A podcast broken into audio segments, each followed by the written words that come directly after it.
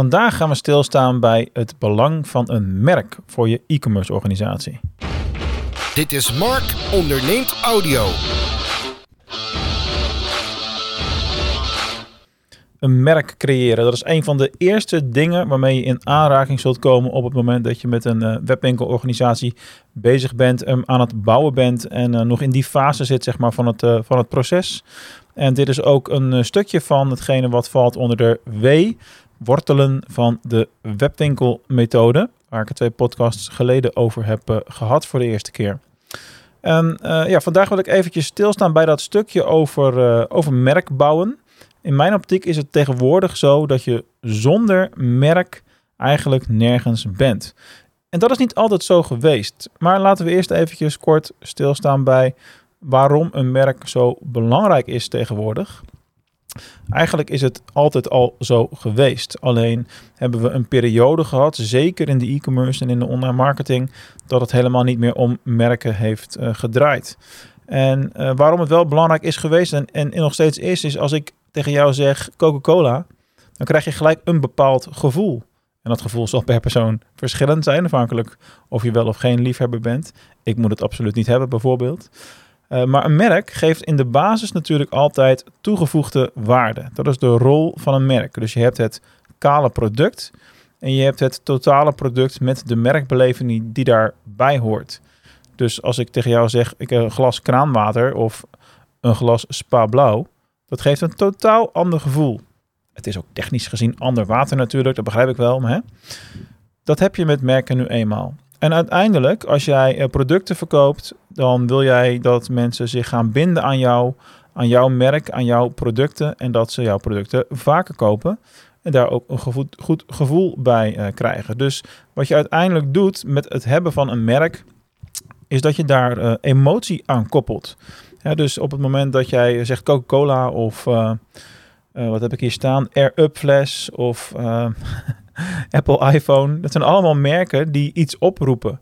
En uh, de ene wat bekender dan de andere natuurlijk. Maar je krijgt er een bepaalde emotie bij. En dat heeft weer ook allerlei uh, effecten in het, uh, in het dagelijks leven. Van, van hoe jij je bij die producten voelt.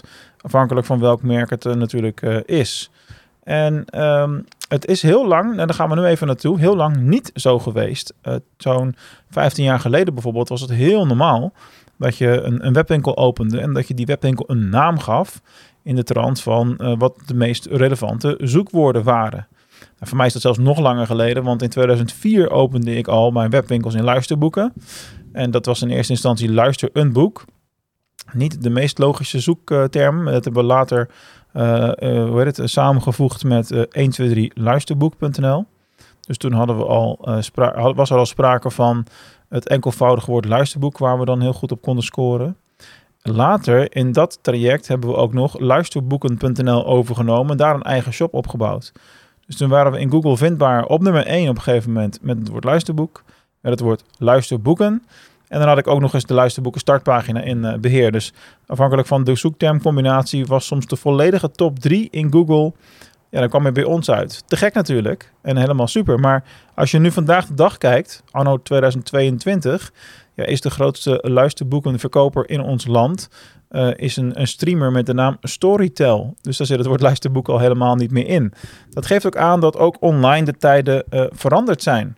En de zoekwoordmerken, zoals ik het dan maar even noem, die zijn niet meer van deze tijd. Het kan nog steeds wel, kleinschalig. Alleen je ziet dat alle partijen die, die groter gegroeid zijn, die um, ja, daar stap in hebben gezet, telkens uh, hun strategie hebben aangepast van een partij dus werken met zoekwoordmerken, vindbaarheid, direct op, op de conversie zitten naar we moeten ook iets van beleving daaromheen gaan creëren. En we moeten ervoor zorgen dat ons merk iets betekent. En dat is nou juist het hele interessante hieraan.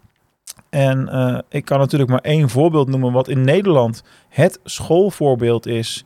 Uh, als je het hebt over de transitie van zoekwoordmerken naar uh, een echte merknaam die iets betekent bij het grote publiek.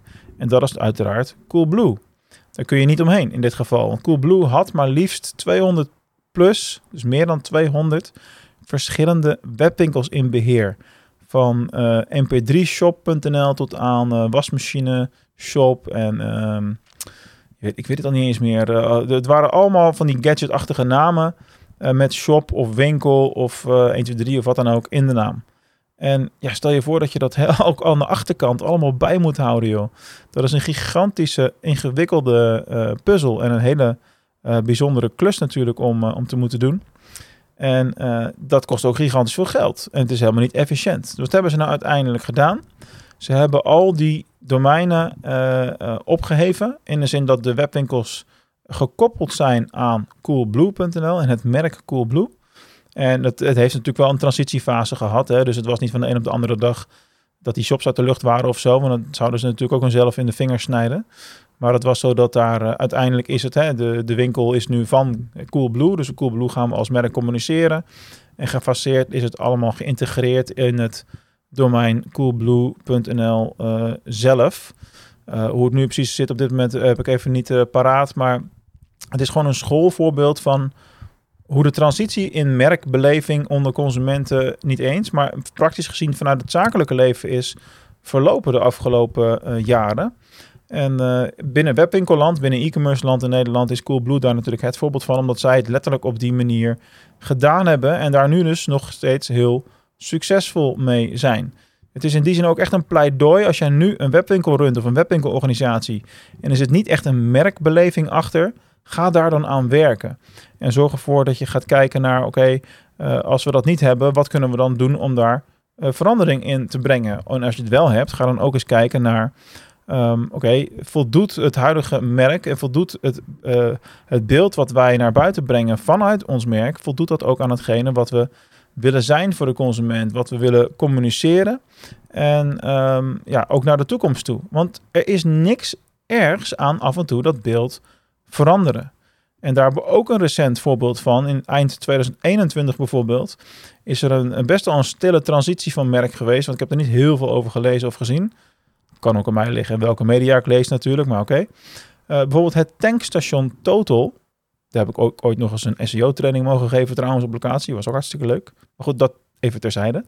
Maar het merk Total is tegenwoordig Total Energies. En het logo is totaal aangepast en veranderd. En het heeft meer uh, verschillende kleuren in zich. Niet alleen meer dat knalharde uh, rood.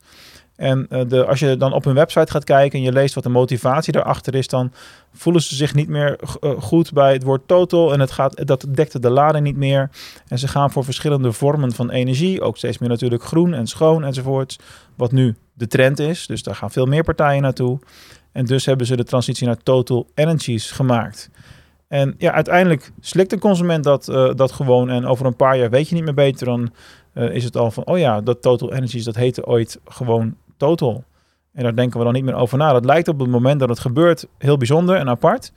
Uh, maar goed, wat ik daarmee aan wil geven is dat het dus niet ongebruikelijk is en niet ondenkbaar is dat je van merk verandert. Dus dat als jouw huidige merkstrategie niet werkt, uh, dat je ook uh, ja, dat overboord kan gooien of in ieder geval zo kan draaien dat je een, een e-commerce merk in handen hebt straks wat wel voor jou werkt.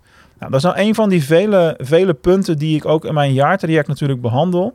Um, binnen de hele webwinkelmethode, als ik jullie organisatie een jaar lang mag coachen, kijken we ook naar wat is nu de huidige propositie en sluit dat goed aan op de doelgroep? Is dat nog actueel? Uh, of uh, zouden we daar eigenlijk ook aan de knoppen moeten draaien? Nou, dat is soms wel zo, dat is soms niet zo. Uh, maar dat is in ieder geval een van de dingen die ik zou, zou gaan bekijken en zou gaan aanpakken bij jou. Dus laat het me weten. Hoe staat jouw merk ervoor? Of heb je überhaupt een merk in jouw e-commerce organisatie? Of moet je dat nog organiseren?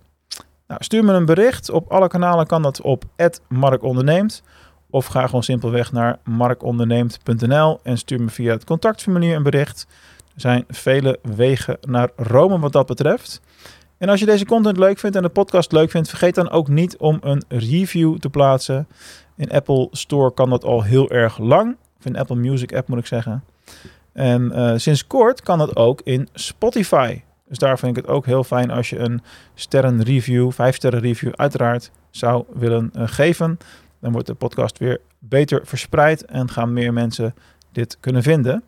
Waarvoor alvast hartelijk dank. Nogmaals, denk na over je eigen merkstrategie. Hoe staat het er nu voor? Is dat ook waar je naartoe wilt? En zo nee, neem eens contact op.